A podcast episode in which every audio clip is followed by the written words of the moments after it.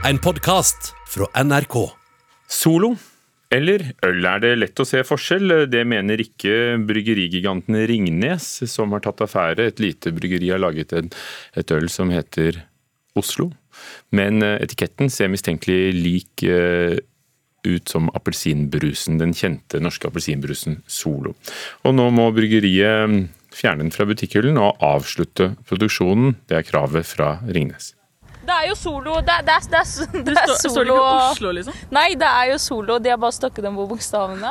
Det tar ikke lang tid før venninnene Ronja Michaelsen og Stine Lau Hansen som vi møter på gaten, assosierer ølen med Solo. Det er jo nesten bare tatt tatt solologoen og så tatt klipp og lim og bytta om på bokstavene. Etiketten er oransje med to appelsiner og er lik font som den tradisjonsrike appelsinbrusen Solo. Og nå har Ringnes, som eier Solo, bedt bryggeriet om å slutte å produsere ølen. Det er bryggeriet Oslo Brewing Company som har lansert ølen, som mange tror har et samarbeid med Solo, noe Ringnes ikke synes er greit. Vi har gjort oppmerksom på eh, denne ølen for et par uker siden, og da kontaktet vi produsenten og sa at vi syntes dette var litt problematisk. For det første så, så er jo merket veldig likt eh, vår egen Solo, selv om bokstavene er stokket litt om. Og for det andre så er det litt, synes vi det er litt eh, ekstra ugreit at, at en alkoholfri drikk som Solo skal assosieres med et alkoholholdig produkt. På hjemmesiden til ølen blir den beskrevet som en nostalgisk øl, men i en e-post til NRK skriver Oslo Brewing Company at intensjonen ikke var å kopiere Solo. Rundt påske er det mange produkter som er smakstilsatt med appelsin og pakket inn i appelsinemballasje. Det er ganske spesielt og unikt for Norge og Skandinavia, men sier at Ringnes har kontaktet dem og bedt dem endre designet til neste år. Det er noe vi gjør dersom vi velger å relansere ølen igjen. I utgangspunktet så er, jo, er vi jo veldig opptatt av å beskytte merkevarene våre. Eh, Så skjønner vi også at det er? Vi heier jo på små aktører, så vi har jo ikke lyst til å på en måte lage noe større greie ut av dette. Vi har kontaktet, eh, kontaktet dem, og de har fortalt oss at, eh, at de ikke produserer ølet lenger. Og så regner de med at de finner en, eh, en fin løsning på dette for fremtiden, sånn at ikke de kommer til å bruke dette navnet igjen. Eller i hvert fall ikke på, med, de fontene, sånn at det ikke er så assosiasjonene til Sol er så tette som de kanskje er i dag. Da.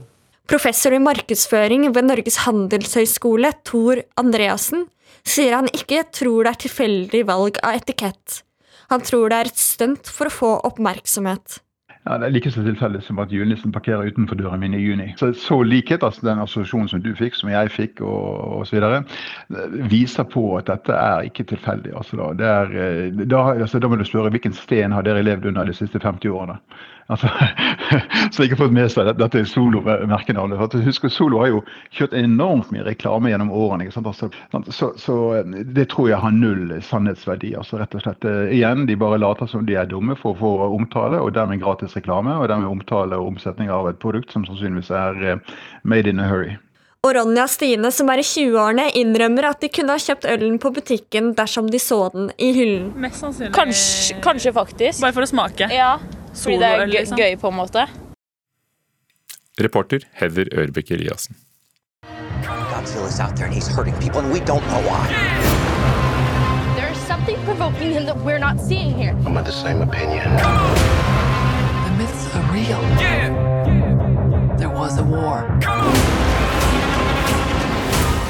Dette er lyd fra filmen Godzilla vs. Kong, som akkurat hadde premiere på amerikanske kinoer. I USA har de jo da begynt å gjenåpne samfunnet, og det innebærer også kinoer. Filmen solgte rekordmange billetter, og det til tross for at mange kunne ha sett den nesten gratis hjemme i stedet.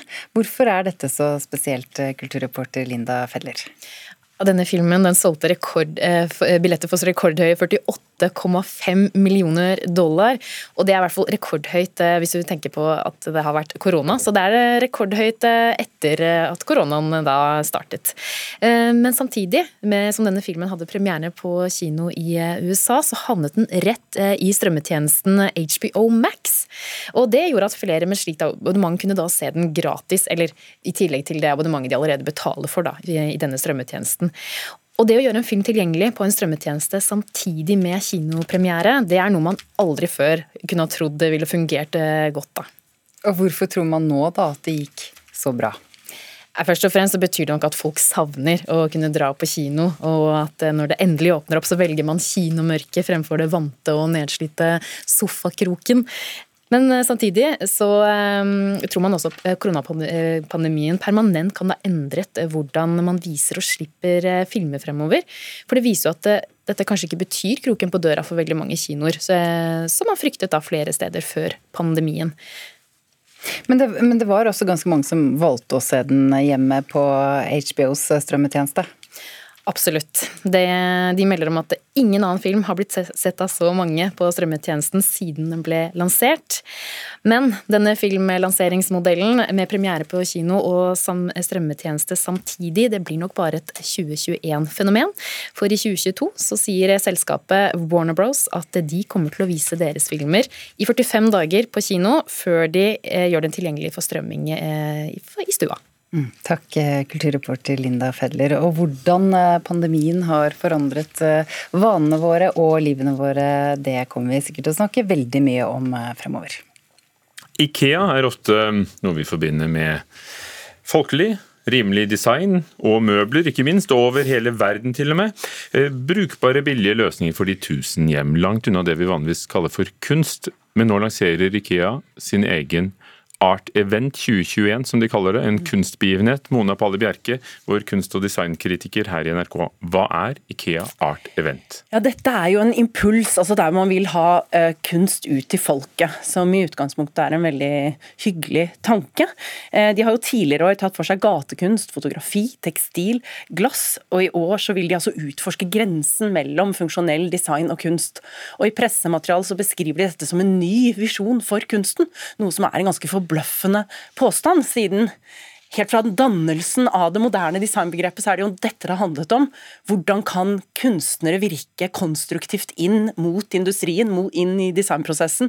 Det var hele den kunstindustrielle bevegelsen på 1800-tallet, Arts and Craft, Deutsche Werkbund, Bauhaus. Det var det det handlet om. Men det var ingen som kalte disse industriproduktene for kunst av den grunn.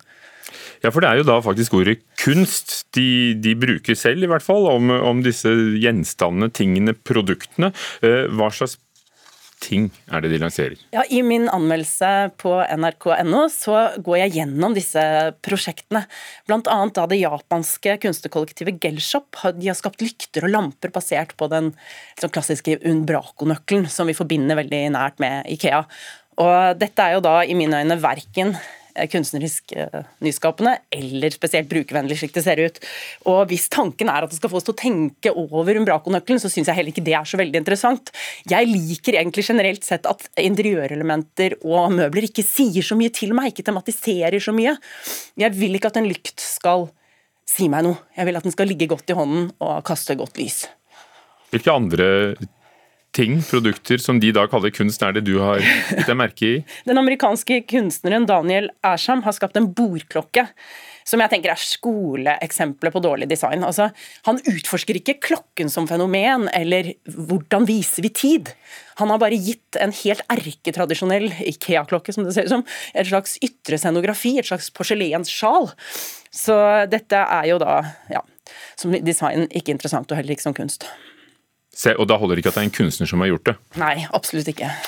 Er det noe positivt du vil trekke frem? Ja, og interessant nok så er jo det den eneste som har bakgrunn som produktdesigner. Det er jo en grunn til at folk har en utdannelse for å være designere.